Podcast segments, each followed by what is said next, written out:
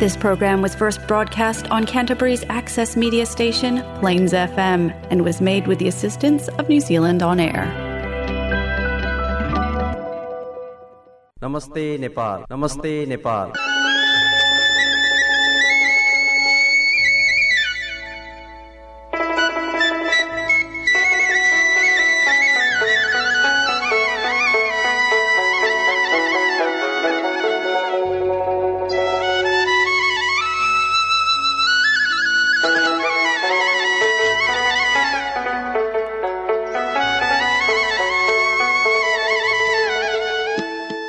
नमस्कार Plains FM ninety six point nine मेगाजमा यो हो Nepal New Zealand friendship society क्यान्टबरीको साप्ताहिक रेडियो कार्यक्रम कार्यक्रम नमस्ते नेपाल। क्राइसिस आसपासमा रहनुभएको छ भने यहाँहरूले Plains FM ninety six point nine megahertz मार्फत यहाँहरू सोमबार बेलुका आठ बजे न्युजिल्यान्ड समयअनुसार यसै समयमा कार्यक्रम नमस्ते नेपालसँग प्रत्यक्ष रूपबाट जोडिन सक्नुहुनेछ। त्यस्तै क्राइसिसभन्दा बाहिर न्युजिल्यान्डभर र संसारको जुनसुकै स्थानमा रहनुभएको छ भने पनि यही समयमा यहाँहरू नमस्ते नेपालको यो पच्चिसदेखि तिस मिनटको रेडियो यात्रा सँगसँगै यहाँहरू पनि साङ्गीतिक यात्रा गर्न सक्नुहुनेछ। त्यस्तै श्रोता हामीले प्रसारण भइसकेका कार्यक्रमका पोडकास्ट लिङ्क पनि फेसबुक पेज मार्फत सेयर गर्दै आइरहेका छौँ। त्यसैले यहाँहरूले नमस्ते नेपाल न्युजिल्यान्ड नामको फेसबुक पेज मार्फत हामीसँग जोडिने प्रयास गर्नुहोला। श्रोता विभिन्न स्थानमा रहेर आफू अनुकूल हुने हिसाबले कार्यक्रम नमस्ते नेपालसँग जोडिनुभएका सम्पूर्ण श्रोताहरूलाई आजको कार्यक्रममा सधैँझै म विनोद हार्दिक हार्दिक नमस्कार टक्राउन चाहन्छु।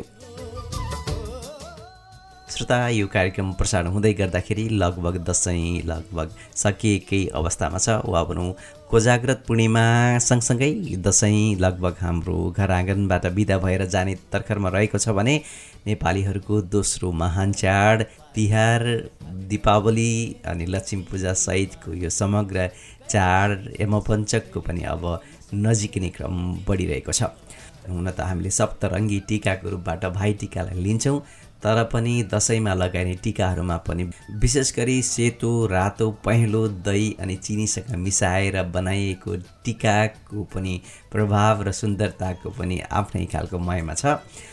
वास्तवमा भन्यो भने धार्मिक संस्कारको रूपबाट विकसित भएको दसैँ आजभोलि पारिवारिक र आफन्तजनसँगको भेटघाटको समय बिताउने एक किसिमको मेलो बनेको छ। रोजगारी उच्च शिक्षाको खोजीमा देशभित्रै र बाहिर गएकाहरू घर फर्किने समयका रूपबाट पनि दसैँको परिचय बदलिएको छ। दसैँको धार्मिक महत्त्व घटेको छैन। यसको धार्मिक महत्त्वमाथि अरू सामाजिक र मानवीय अभिरुचिका विषय थपिन मात्र गएका हुन्। यसको सामाजिक महत्त्व अझ विस्तारित भएको छ। श्रोता दसैँकै कुरा गर्दाखेरि नेपाल न्युजिल्यान्ड फ्रेन्डसिप सोसाइटीले पनि पछिल्ला केही वर्षहरू जस्तै यसपालि पनि बस यात्रासहितको दसैँको पिकनिकको कार्यक्रम ह्यामनर स्प्रिङमा गएर रमाइलो गर्दै आयोजना सम्पन्न गरेको छ। अब त्यसै क्रममा आयोजक र त्यहाँ सहभागी हुनुभएका मध्येका केही व्यक्तिहरूको म प्रतिक्रिया कार्यक्रमको दौरानमा यहाँहरूलाई सुनाउने नै छु। त्यसबाहेक दसैँ सकिँदै गर्दा र तिहारको प्रतीक्षामा बसिरहँदा नेपालमा भने मक्सिर चार गति हुने चुनावले पनि एक एक किसिमको माहौल सिर्जना गरेको छ। उम्मेदवारहरूको घोषणा सँगसँगै एक किसिमको रनौकता पनि आएको छ भने कति पूर्व प्रधानमन्त्री यसपालि सकेको संसदका अब सभामुखले समेत अब आउँदो चुनावमा भाग नलिने घोषणा गरिसकेका छ भने पूर्व प्रधानमन्त्री प्रचण्डले प्रस्तावित चितवनको एउटा क्षेत्रबाट गोर्खामा सरेको अवस्था पनि छ। हालसालै राजनीतिमा हुमिएका पत्रकार रवि लामिछानेले चितवनको दुई नम्बर क्षेत्रलाई रोजेको प्रसङ्ग पनि छ। देशसँग जोडिएका हरेक प्रसङ्ग विषयहरूसँग अलि सचेत रूपबाट राजनीतिक मुद्दाहरूमा आफ्नो आवाज दिँदै आएका भीम रावल र मिनेन्द्र रिजालको भने यसपालि टिकट काटिएको जस्तो देखिएको छ। अहिलेको अवस्थासम्म यस्तै अब समानुपातिकको निर्वाचन प्रणाली हामीले अवलम्बन गरेको भए पनि त्यसको अलिकति नकारात्मक असरहरू पनि देखा पर्न थालिसकेका छन्। प्रत्यक्ष निर्वाचित हुन नसक्ने सीमान्त र उपेक्षित वर्गहरूको प्रतिनिधित्वको लागि व्यवस्था गरिएको समानुपातिक निर्वाचन प्रणाली राजनीतिक दलहरूभित्रका कतिपय प्रभावशाली नेता अनि मन फुकाएर खर्च गर्न सक्ने व्यवसायीहरूलाई पदसम्म पुर्याउने अहिले माध्यम बनेको छ जुन अति नै अति नै दुःखद पक्ष हो।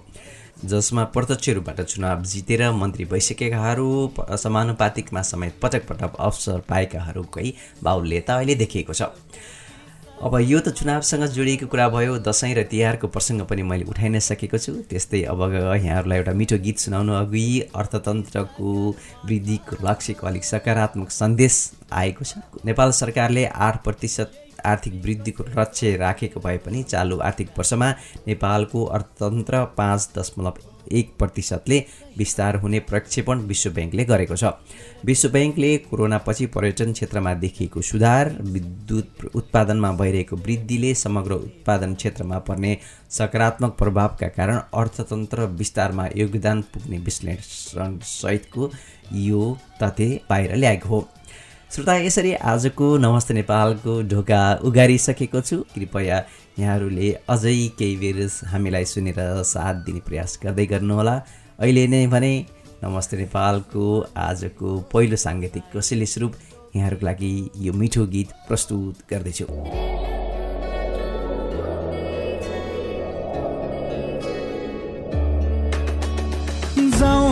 कहाँ गाउँ छाडी लुक्ने सहर देखा छैन।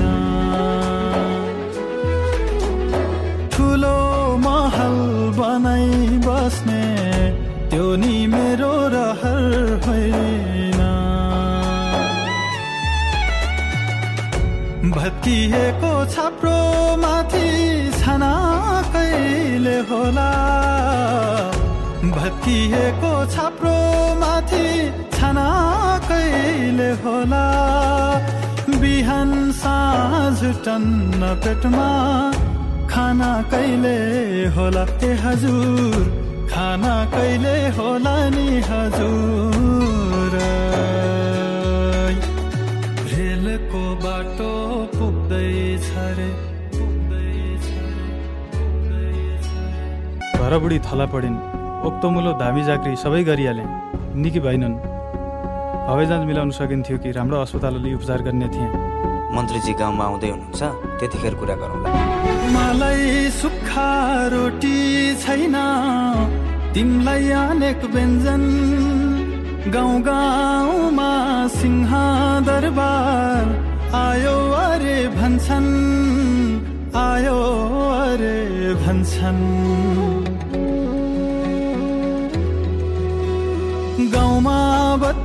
पुल छैन। अभाव चामल नुनको आश्वासनले मात्रै टार्यौ। मैले लाको गुनको मैले लाको गुनको राजधानीले बिर्सिएछ मेरा गाउँको बाटो। कि नेपाली होइन रमा होइन एउटै माटो हजुर। नमस्ते नेपाल नेपाली। श्रोताहरू यो मिठो मिठो गीतपछि फेरि पनि कार्यक्रम नमस्ते नेपालमा। यहाँहरूलाई हार्दिक हार्दिक स्वागत नमस्कार टक्राउन चाहन्छु। श्रोता दसैँको कुराहरू पनि गऱ्यौँ। हामीले दसैँको कुरा गर्दै गर्दाखेरि दसैँको रमझम पनि अहिले नेपालीहरूलाई न्युजिल्यान्डमा माहौल बनिरहेको छ र विशेष गरी नेपालबाट केही कलाकारहरू न्युजिल्यान्डमा आएका छन्। त्यस्तै स्थानीय रूपबाट पनि कलाकारहरूले आफ्नो प्रतिभालाई उजागर गर्ने अवसर पनि मिलेको छ। न्युजिल्यान्डको लाखे इभेन्ट्सले विशेष गरी गायक प्रकाश सपुत र कमेडियन भरतमोरी पौडेललाई न्युजिल्यान्डका विभिन्न सहरहरूमा यस्तो खालको दसैँको रमझमको कार्यक्रममा सहभागी गराउने अवसर दिएको छ। बिस्तारै नर्थ आइल्यान्डका विभिन्न सहरहरूमा भएका आफ्ना प्रस्तुतिहरू सकेर क्राइस्टचर्चमै सोह्र अक्टोबरका दिनमा दसैँको विशेष कार्यक्रमको आयोजना हुन लागिरहेको छ। यसको लागि नेपाल न्युजिल्यान्ड फ्रेन्डसिप सोसाइटीले अनि त्यसपछि गोर्खाली क्रिकेट क्लबले पनि विशेष खालको सक्रियता देखाएको छ।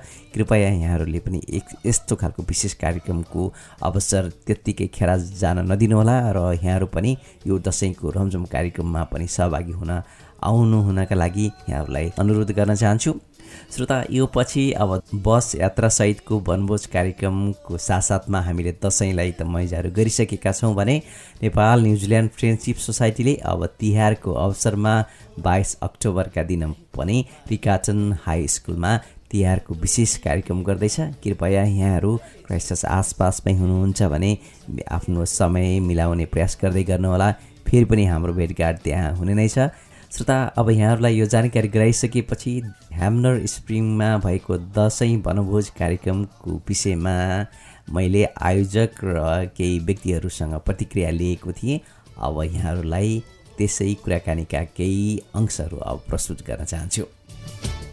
एनएनजेडिएफएससीका प्रेसिडेन्ट र हाम्रो भाइस प्रेसिडेन्ट पनि हुनुहुन्छ। यहाँ दुवैजना। बस सहितको पिकनिकको कार्यक्रम आयोजना गरिँदैछ हामी पिकनिकमै छ। कस्तो भइरहेछ अशोकजी? एकदमै रमाइलो। लास्ट दुई वर्ष चाहिँ हामीलाई कोभिडले के होला कसो होला भन्ने सबैजना अन्योन अल्योनमा थियौँ। यसपल्ट चाहिँ त्यो सबै अब बिस्तारै कोभिड पनि साम्य हुँदै गएपछि सबैलाई एउटा एउटा खुसियाली पनि दिउँ एउटा सबैजना भएर मिलाउँ भनेर गर्न खोजेको आयोजना गरेको हो यो चाहिँ। एकदम रमाइलो भइरहेछ। सोसाइटीको भाइस प्रेसिडेन्ट महेश धामीजी पनि हुन्छ महेशजी कस्तो भइरहेछ खास बस यात्रा सहितको पिकनिकको आयोजना जुन सोसाइटीले गरेको छ नि? एकदम रमाइलो। हामीले त यति धेरै इन्जोय गरेँ कि बच्चादेखि बुढासम्म बसमा एकदम गीतहरू बजाएर नेपालदेखि टाढा रहेर हामी कोभिडको यस्तो पेन्डेमिकको सिचुएसनमा चाहिँ हामी आफ्नो फ्यामिलीलाई एकदम मिस गरिरहेको थियौँ पिकनिकले गर्दाखेरि एकदम एकदम फ्यामिली इन्भाइरोमेन्ट क्रिएट भयो। हामी आमा बाउ अब आफ्नो बच्चा बच्ची अङ्कल दाजुभाइ इष्टमित्र सबै मिस गरिरहेको थियौँ त्यो सबै फुलफिलमेन्ट चाहिँ हाम्रो यो पिकनिकले गर्दाखेरि चाहिँ एकदमै अर्गनाइज भएर हामी चाहिँ एकदमै ह्याप्पी छौँ। यसै क्रममा हाम्रो शुभजी फर्मर प्रेसिडेन्ट पनि यहाँ उपस्थित भएको छ। शुभजी कस्तो भइरहेछ माहौल? यसो हल्का माहौललाई यसो पिक्चराइज गर्नु न। एकदमै रमाइलो भइरहेछ। अर्गनाइजेसन पर्फेक्ट एक्जिक्युटिभ कमिटी सबैलाई चाहिँ एकदम थम्सअप त्यो हुँदा हुँदै पनि जेनरली तर आजको वेदर यति फेन्टास्टिक भएको छ कि र एउटा चाहिँ भाइचाराको हिसाबले र दसैँ यो माहौलमा चाहिँ एकदमै रमाइलो भएको छ। सब अशोक दाईले लिड गर्नुभएको कमिटीलाई चाहिँ मुरी मुरी धन्यवाद। यस्तै प्रोग्रामहरू प्लिज गर्दै जानुहोस्। हामी सपोर्ट गर्ने त छँदैछौँ। बस यात्रासँग जोडिएको केही रमाइलो प्रसङ्ग तपाईँ केही अलिकति ब्रिङ ब्याक गर्न चाहनुहुन्छ कि? हामी तेस्रो पटक होला हामीले यो बसमा आएर अब क्राइसिस सिटीभन्दा अलिकति बाहिर गएर एउटा इन्जोयमेन्ट गरौँ न भनेर गर्न थालेको। कस्तो हुँदो रहेछ भने मान्छेहरूलाई यसले छुट्टै भाइब ल्याउँदो रहेछ। किन भन्दा सबै हामी पाँच दिन काम गर्छौँ भने सबैजना काम गरेर एउटा व्यस्त समय गए भइरहेको हुन्छौँ यसरी आउँदाखेरि चाहिँ मान्छेलाई भित्रैबाट एउटा आनन्द नेपालमै गएर सबैजना दाजुभाइ दिदीबहिनीहरूसँग मिलेर दसैँ मना जस्तो फिल हुने रहेछ यो एकदम जरुरी थियो। पहिला हाम्रो सुब्बजीको पालामा यो स्टार्ट भएको थियो। यसलाई हामीले निरन्तरता दिइरहेका छौँ। यो चाहिँ एकदम निरन्तर भइराख्नुपर्छ जस्तो लाग्छ मलाई। अनि अरू कस्ता खालका सेगमेन्टहरू चाहिँ हामीले गऱ्यौँ आज महेशजी? जस्तो अब भन्नुपर्दाखेरि हाम्रो चाहिँ टग अफ वार डिफ्रेन्ट क्याटेगोरीमा चाहिँ हामी गऱ्यौँ। बच्चादेखि चाहिँ युवा र अनि त्यसपछि चाहिँ वयस्कसम्मको। त्यसपछि एउटा जस्तो भनौँ अर्को रिङ गेमहरू नयाँ गेम हामीले चाहिँ हामीले ब्याक इन नेपाल हामी गर्दै गरेर हुन्थ्यौँ। त्यो रिङ गेममा पनि धेरै उत्साह देखियो जसले गर्दाखेरि एकदमै हामी चाहिँ उत्साहित भयौँ। र यसले गर्दाखेरि चाहिँ हामी सबै जो कि हामी नेपालमा ओहो हामी नेपालमा भएको भए कति इन्जोय गर्थ्यौँ होला पिङ खेल्थ्यौँ होला अथवा के के गर्थ्यौँ दसैँमा आफन्तहरू कहाँ जान्थ्यौँ होला भन्ने जो एउटा फिल हुन्थ्यो जो एउटा मिस गरेर हुन्थ्यौँ। त्यो सबै कुराहरूलाई चाहिँ यी कुराहरूले गर्दाखेरि चाहिँ हामीले चाहिँ युनाइट गरेर र खेल्न पाउँदा र सबैसँग फ्यामिलीसँग गर्न पाउँदाखेरि चाहिँ हामीले कुनै पनि चाहिँ कमी भएको महसुस पाएका छैनौँ। अशोकजी जाँदा जाँदै अब केही छुटेपुटेका केही रमाइलो वातावरणमा? अब हेर्नुहोस् हामी सबभन्दा त हामी नेपालभन्दा धेरै पर छौँ।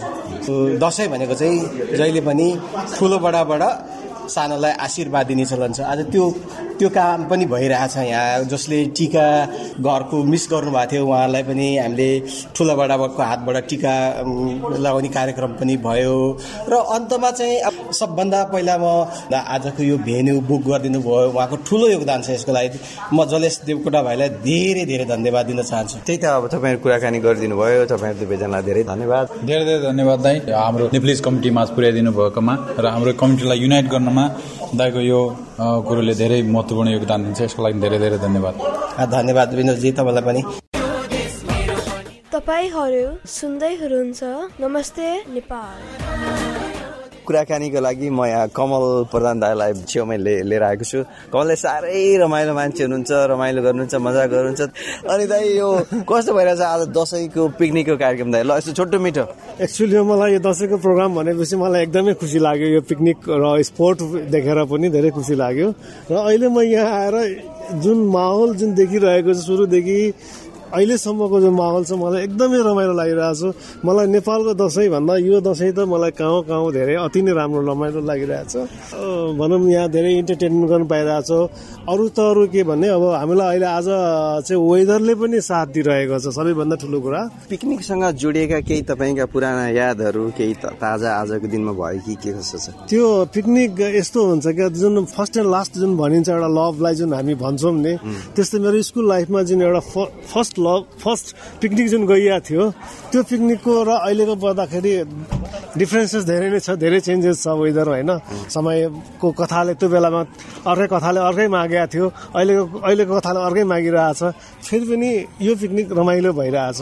हस् दाई हामीसँग कुराकानी गरिदिनु भएकोमा धेरै धेरै धन्यवाद। आज यो दसैँको पिकनिकको कार्यक्रममा हामी हाम्रो स्प्रिङमा छौँ अनि यसै क्रममा मैले सावित्री शर्मा आमालाई पनि भेटघाट गरेको छु। कस्तो भयो त आज दसैँको माहौल? कस्तो मान्नुभयो एकदम राम्रो भयो। अब यो प्रोग्राम मेरो तेस्रो भयो अहिले आएपछि तिन महिनामा। एकदम रमाइलो भएको छ। अहिले पिकनिक पनि राख्नुभयो दसैँको कार्यक्रम पनि भयो एकदम रमाइलो भएछ खानेकुराहरू मिठो भयो कस्तो के हिसाबले रमाइलो भयो त? होइन साथीभाइ अब जम्मै बाबुहरू नानीहरू पनि सबै मजाका खाना खानेकुरा पनि एकदम राम्रो भयो। खाना बनाउनेलाई मैले धेरै धेरै धन्यवाद। अशोक श्रेष्ठ सृजना श्रेष्ठ मेरो नजिकको मान्छे अनि अरू सबै बाबु नानीहरू सब मलाई एकदम माया गर्ने। उहाँहरूलाई धेरै धेरै धन्यवाद। बेसरी रमाइलो भयो। अनि खास यो दसैँसँग जोडिएको एउटा मिठो प्रसङ्ग हुन्छ नि विशेष गरी पिकनिक गएको केही थियो हजुरको जिन्दगीमा योभन्दा अगाडि। न्युजिल्यान्डको दसैँ नेपालको दसैँ के रहेछ खास? दसैँ त एउटै हो नि अब नेपालमा आफ्ना सबै आफन्तै मात्रै भिड्छन् भने यहाँ चाहिँ नि सबै आफ्नो नेपालबाट आएका सबै नै आफ्ना भएर आफ्नो खोज्नुको कुनै जरुरत देख्दिनँ मैले। उहाँहरू नै सबै आफ्नो आफ्नै जस्तो सबै हुनुहुन्छ उहाँहरू। दसैँमा पिकनिक कहिले पनि भएको थिएन घरमा मात्रै रमाइलो भएको थियो। यहाँ आएर चाहिँ दसैँमा पिकनिक भयो त्यो रमाइलो भएको छ। अहिले मेरो तिजको कार्यक्रम पनि रमाइलो भयो दसैँ पनि रमाइलो भयो। भनेपछि दर मिठो मिठो दर खाने टिका लगाउने टिका जमारा लगाउने कार्यक्रम पनि भयो है हजुर पुरै भयो। जमारा राख्ने नौ दिनसम्म बत्ती बाल्ने नवदुर्गाको चण्डी पाठ आफूले मुखले नगरे पनि अगाडि युट्युबबाट भए पनि चण्डी पाठ पुरै गरेर तेह्र अध्याय चण्डी पाठ गरेर भगवती माताको पूजा गरेर नवदुर्गा भवानीको अनि टिका जमरा सबै भयो। नेपालमा कुनै नेपाललाई सम्झिनु पर्ने कुनै पनि भएन यहाँ मलाई। धेरै धेरै धन्यवाद हामीसँग यो आफ्नो अनुभव सेयर गरिदिनु भएकोमा हुन्छ हस् हस् अब यहाँ इन्टरभ्यू लिने भाइ विनोद कावसोतीबाट हुनुहुँदो रहेछ। म चाहिँ चितवनबाट हामी नजिकै रहेछौँ। अँ, यदि सोध्नुभयो अब जानी नजानी म बोलेँ। धन्यवाद बाबु। नमस्ते नेपाल। यो मिठो मिठो कुराकानी पछि फेरि पनि कार्यक्रम नमस्ते नेपालमा यहाँहरूलाई हार्दिक स्वागत गर्दछु। बेलुका आठ बजेदेखि Plains FM ninety six point nine मेगाजमा सुरु भएको कार्यक्रम नमस्ते नेपालमा यहाँहरू सुनेर साथ दिइरहनु भएको छ। यहाँहरू पनि कार्यक्रम नमस्ते नेपालसँग यदि जोडिन चाहनुहुन्छ भने यहाँहरूले क्राइसिसमा रहेको प्लेन्स एफएमको यो मद्रास स्टुडियोमाबाट यहाँहरूले प्रत्यक्ष सुन्न सक्नुहुनेछ। सोमबार बेलुका आठ बजेको समयमा र त्यसको पुनर्प्रसारण बिहिबार बेलुका आठ बजे पनि आउने गर्दछ। त्यस्तै हामीले प्रसारण भइसकेका कार्यक्रमका पोडकास्ट लिङ्कहरू कार्यक्रम नमस्ते नेपालको आफ्नै फेसबुक पेज नमस्ते नेपाल क्राइस्टर्स न्युजिल्यान्ड नामको फेसबुक पेज मार्फत पनि हामीले सेयर गर्दै आइरहेका छौँ र लामो समयदेखि यहाँहरूले हामीलाई सुनेर साथ सहयोग र प्रतिक्रिया दिँदै आउनुभएको छ। यहाँहरूलाई हृदयदेखि नै त्यसको लागि धन्यवाद दिन चाहन्छु। त्यस्तै श्रोता हामीले कार्यक्रम नमस्ते नेपालमा नेपाल न्युजिल्यान्ड फ्रेन्डसिप सोसाइटीले नियमित रूपबाट आयोजना गरेका कार्यक्रमहरूको विषयमा पनि यहाँहरूलाई जानकारी दिने प्रयास गर्दै आइरहेका छौँ। अब यहाँहरूलाई थाहा भइ नै रहेको छ आइतबार बिहान नौदेखि एघार बजेसम्म साप्ताहिक रूपबाट भाइ बहिनीहरूको लागि नेपाली भाषाको कक्षा सञ्चालन भइरहेको छ भने दसदेखि बाह्र तिस बजेको बिचमा यहाँहरूले ब्याडमिन्टनको अभ्यास पनि भएको छ भन्ने जानकारी पाइ नै सक्नुभएको छ। कृपया यहाँहरू पनि आफूलाई अनुकूल हुने विधामा पनि सहभागी हुनका लागि सोसाइटीसँग प्रत्यक्ष रूपबाट सम्पर्क राख्न सक्नुहुनेछ। त्यस्तै महिनाको दोस्रो बुधबार जुम्बाको कक्षा पनि भइ नै रहेको छ। यो फरक फरक स्थान र समयमा हुने भएकोले सोसाइटीको अब एक्सकमको एक्टिभिटिजहरू ह्यान्डल गर्ने साथीहरूसँग यहाँहरू सम्पर्कमा रहन सक्नुहुनेछ। यो अनुरोध जानकारीपछि यहाँहरूलाई अब नेपालीहरूसँग जोडिएको न्युजिल्यान्डमै भइरहेको केही कार्यक्रमहरूको विषयमा पनि म यहाँहरूलाई जानकारी गराउन चाहन्छु।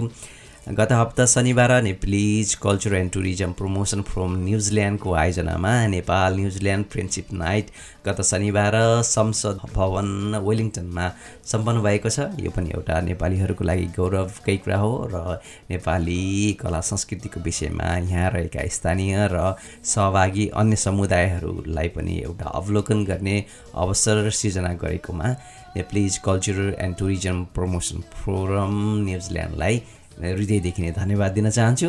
त्यस्तै श्रोता न्युजिल्यान्डमै नर्थ आइल्यान्डमा क्रियाशील र एनआरएनए न्युजिल्यान्डका सदस्य अनिल पौडेल अहिले पछिल्लो पटक भएको स्थानीय निर्वाचन मार्फत टिपुकी वा भनौँ बे प्लेन्टी जिल्लाको सामुदायिक बोर्ड सदस्यमा निर्वाचित भएको पनि खुसीको खबर छ। उहाँलाई बधाईका साथसाथ कार्यकालको सफलताको कामना गर्न चाहन्छौँ। श्रोता अब यो त नेपालीहरूसँग जोडिएको कुरा भयो। अब हाम्रो प्रत्यक्ष जीवनमा वा भनौँ दैनिकमा जोडिएको अब पेट्रोल डिजेल लगायतका यी पेट्रोलियम पदार्थहरूको अब मूल्य वृद्धि हुने जस्तो देखिएको छ। तेल निर्यात गर्ने देशहरूको सङ्गठन ओपेक र यसका सहयोगी देशहरू सम्मिलित संस्था ओपेक प्लसले मूल्य बढाउन कच्चा तेलको उत्पादनमा ठुलो मात्रामा कटौती गर्ने निर्णय गरिसकेपछि अब तेलको मूल्य बिस्तारै बढ्ने देखिन्छ। नोभेम्बरदेखि सन् दुई हजार तेइसको अन्तिमसम्ममा दैनिक बिस लाख ब्यारेल उत्पादन कटौती गर्ने निर्णय गरेपछि अब बिस्तारै तेलको मूल्य अब बढ्नेछ र यसले हाम्रो दैनिकलाई असर पार्ने छ त्यस्तै श्रोता अब यो तेल पछि अब अमेरिकी डलरको भाउ पनि नेपाली रुपियाँको तुलनामा निकै नै बढेर गएको छ। अहिले एक अमेरिकी डलर बराबर हुनका लागि नेपाली एक सय बत्तिस रुपियाँ खर्च गर्नुपर्ने देखिन्छ। नेपाल राष्ट्र ब्याङ्कले गत हप्ता शनिबार प्रकाशित अमेरिकी डलरको बिक्री मूल्य दर एक सय बत्तिस दशमलव शून्य दुई रुपियाँ तथा खरिद दर एक सय एकतिस दशमलव चार दुई रुपियाँ तोकेको थियो र यो हालसम्मकै उच्च पनि हो। त्यस्तै श्रोता केही समय अगाडि गर्भपतनको विषयमा अमेरिकामा भएको कानुन संशोधनले पनि विश्वव्यापी न्युज बनाइरहेको बेलामा अहिले पछिल्लो पटक भारतको सर्वोच्च अदालतले विवाहित र अविवाहित हजुर श्रोता विवाहित वा अविवाहित सबै महिलालाई बाइसदेखि चौबिस हप्तासम्मको गर्भपतन गर्ने अधिकार दिएको छ। त्यसमा केही मापनका अवस्थाहरू छन् केही कन्डिसनहरू त राखिएका छन् नै। त्यस्तै श्रोता अब कार्यक्रमको अन्तिम अन्तिम चरणमा आउँदै गर्दाखेरि यस हप्ता परेको विशेष दिन दिवसको प्रसङ्गको कुराहरू उठान गर्ने क्रममा म विश्व मानसिक स्वास्थ्य दिवसको यो छोटो प्रसङ्ग जोड्न चाहन्छु। दस अक्टोबरका दिन मानसिक स्वास्थ्यको यिनै मुद्दा अनि परिवेशले ल्याएको चुनौतीलाई विश्वभरि मिलेर सामना गर्न सन् उन्नाइस सय बयानब्बेदेखि हरेक वर्ष एक सय पचासभन्दा बढी देशहरूमा विभिन्न कार्यक्रम गरी विश्व मानसिक स्वास्थ्य दिवस मनाइन्छ। जुन प्रसङ्ग मैले यहाँ उठाइ नै सकेको छु। स्मरण रहोस् हरेक वर्ष करिब तिस करोड मानिसहरू संसारमा डिप्रेसनका शिकारहरू भइरहेका छन्। खुसी अनि सन्तुष्टिका साथ जीवन बाँच्ने आधार नै मानसिक स्वास्थ्यको पहिलो खुड्किलो हो। कृपया हामी सबैले पेसागत घरायसी र पारिवारिक हरेक किसिमका क्रियाकलापहरूमा संलग्न हुँदै गर्दाखेरि आफ्नो मानसिक स्वास्थ्यको पनि आकलन र त्यसप्रति पनि सचेत रहने प्रयास गरौँ। श्रोता अब भने कार्यक्रमलाई बिट मार्ने क्रममा आइ नै सकेको छु। अब दसैँको प्रसङ्गबाट सुरुवात गरेको आजको कार्यक्रमलाई म अब दसैँसँग जोडिएको नयाँ नोट त्यसको राष्ट्रले बिहोर्नुपर्ने व्यवहारको छोटो यो प्रसङ्गका साथ आजको कार्यक्रमलाई बिट मार्ने प्रयास गरिरहेको छु। हरेक वर्ष दसैँको बेलामा नेपाल राष्ट्र ब्याङ्कले नयाँ नोट बजारमा पठाउने गर्दछ र यो वर्ष पनि साना दरका चौध अर्ब रुपियाँ र ठुला दरका पैँतिस अर्ब रुपियाँ गरेर करिब पचास अर्ब रुपियाँ हाराहारीका नयाँ नोट बजारमा पठाएको नेपाल राष्ट्रिय बैङ्कले जनाएको छ। केन्द्रीय बैङ्कको अनुसार हरेक वर्ष चालिसदेखि पचास अर्ब हाराहारी जुत्रा नोटहरू नष्ट गरिन्छ। नोट छपाईका लागि हरेक वर्ष औसतमा करिब साढे दुई अर्ब खर्च हुने गरेको छ।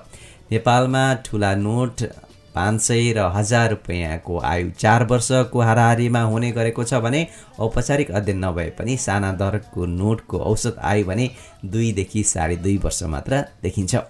श्रोता यो सँगसँगै बेलुका आठ बजीदेखि सुरु भएको कार्यक्रम नमस्ते नेपालको आजको बसाइलाई म यहीँ आएर भेट मार्न चाहन्छु। आउँदो साता फेरि पनि यहाँहरूसँग भेटघाट गर्न आउने नै छु। तबसम्मको लागि आजको कार्यक्रम सुनेर साथ दिनुभएकोमा यहाँहरू सम्पूर्णलाई हृदयदेखि नै धन्यवाद दिँदै म विनोदलाई पनि आज्ञा दिनुहोस्। नमस्कार शुभरात्रि।